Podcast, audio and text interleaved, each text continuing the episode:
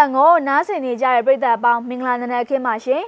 ဒီကနေ့စက်တင်ဘာလ22ရက်မနက်ခင်း7နာရီရဲ့သတင်းစီစဉ်စတင်မှာတော့မယ်စစ်ကောင်စီတပ်ဖွဲ့ကို KNL ကမိုင်းဆွဲတိုက်ခိုက်ခဲ့ရမှာစစ်ကောင်စီတပ်ဖွဲ့ဝင်3ဦးသေဆုံးခဲ့ပါတယ်ဟာခါမျိုးနဲ့ထန်တလန်မျိုးအတွက် CDF မင်းတပ်အဖွဲ့ကလက်တုပ်ပြန်လိုက်ပြီးတော့စစ်ကောင်စီဘက်က2ဦးသေဆုံးပြီးအများပြားဒဏ်ရာရရှိခဲ့တဲ့သတင်းတွေနဲ့အတူစိတ်ဝင်စားဖွယ်ကောင်းတဲ့သတင်းတွေကိုတင်ဆက်ပေးတော့မှာပါပ ထမဆုံးသတင်းသဘောက်အနေနဲ့ကရင်ပြည်နယ်မှာစစ်ကောင်စီတပ်ဖွဲ့ဝင်တွေတေဆုံးသွားတဲ့သတင်းနဲ့စကြင်ပါတယ်ကရင်ပြည်နယ်တထုံမြို့ရဲ့ပရစ်ခိုကျေးရွာအနီးမှာစစ်ကြောင်းထွက်လာတဲ့အကြမ်းဖက်စစ်ကောင်စီနဲ့ BGF တပ်တွေကိုကရင်မျိုးသားလွတ်မြောက်ရေးတပ်မတော် KNL တပ်မဟာတစ်က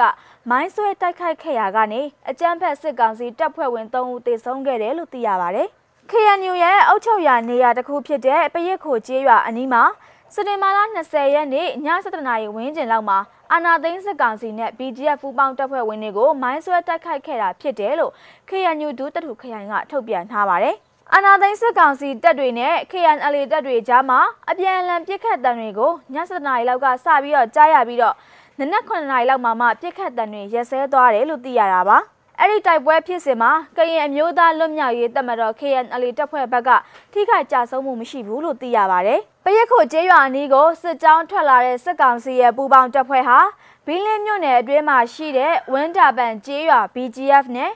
စစ်စင်ရေးကုတ်ခဲမှုဌာနချုပ်စကာခရှိပိန်းနေတော်စခန်းကြားမှာလှုပ်ရှားနေတဲ့တပ်ဖွဲ့ဖြစ်တယ်လို့သိရပါတယ်။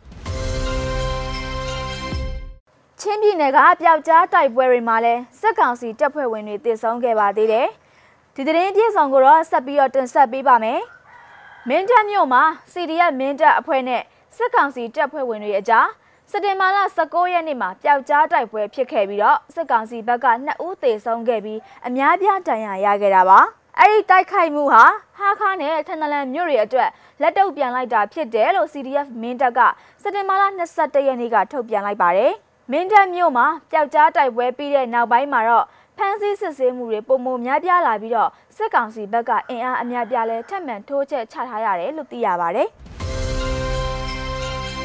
မြေမြုံမိုင်းရှိတဲ့တောကိုဖျက်ဖို့ဒေသခံတွေကိုစစ်ကောင်စီတပ်ဖွဲ့ဝင်တွေကအတင်းအဓမ္မခေါ်ဆောင်သွားပါတယ်။ဒါဟာတနင်္လာရီတိုင်းထဝယ်ခရိုင်ရေဖြူမြို့နယ်ထဲမှာဖြစ်ခဲ့တာပါ။ဒီသတင်းကိုဆက်ရရင်တော့ တက္ကသိုလ်ရွာသားတွေကိုစစ်ကောင်စီတပ်တွေကမြေမြုံမိုင်းရှိတဲ့တောကိုဖျက်ဖို့လမ်းပြတွေအဖြစ်အတင်းအဓမ္မခေါ်ဆောင်အသုံးပြုခဲ့တယ်လို့သိရပါတယ်။ဟာမြင့်ကြီးတပ်တုမိုင်းကဖောက်ခွဲရေးပစ္စည်းတွေပျောက်ဆုံးနေတယ်ဆိုတဲ့အကြောင်းပြချက်နဲ့ခိုးယူသွားသူတွေကိုရှာဖွေဖမ်းဆီးဖို့တောင်းနှင်းရှာဖွေမှုတွေကိုစစ်ကောင်စီကပြုလုပ်နေတာဖြစ်ပါတယ်။သူတို့တွေတော်ရဲသွားရင်ဒေသခံ၄၅6ယောက်လောက်ကိုလမ်းပြဖြစ်ခေါ်သွားရတာရှိတယ်။ရွာသားတွေကမလိုက်ချင်မိမဲလဲကြောက်လို့လိုက်ရတာရှိရဲလို့ပြန်သိရတယ်။ အခုတော့ပြန်ရောက်နေပြီးတော့ကြားရတယ်လို့ဒေသခံတအုပ်ကပြောပါတယ်စစ်ကောင်စီတပ်ဖွဲ့ဝင်အင်အား90ခန့်ဟာတက္ကသိုလ်ရွာနဲ့အနီးနားရွာမှာ3ရက်ကျော်တပ်ဆွဲနေထိုင်ခဲ့ပြီးတော့စက်တင်ဘာလ22ရက်နေ့မှာပြန်လည်ထွက်ခွာခဲ့တာပါရှင်။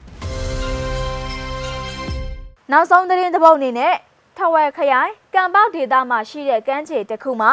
စက်တင်ဘာလ22ရက်နေ့ကစစ်အာဏာစန့်ကျင်ရေးဆန္ဒပြခဲ့တဲ့မြင်ကွင်းတွေကိုလည်းတင်ဆက်ပေးသွားမှာပါ။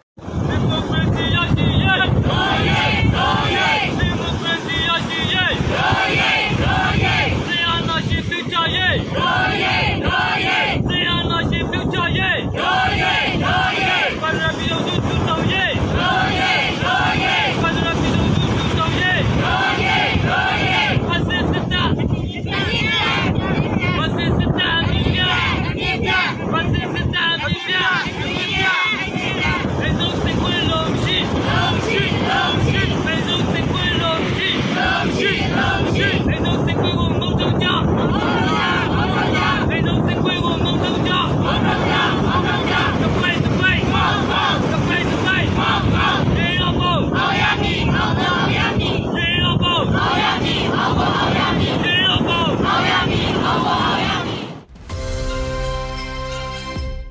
ဘာလ22ရက်မနက်ခင်း7နာရီရဲ့နောက်ဆုံးရရှိခဲ့တဲ့သတင်းတွေကိုတင်ဆက်ပေးခဲ့တာပါ။နားဆင်ပေးခဲ့တဲ့အတွက်ကျေးဇူးတင်ပါတယ်။အားလုံးပဲတာယာလှပတဲ့မနက်ခင်းလေးကိုပိုင်ဆိုင်ကြပါစေရှင်။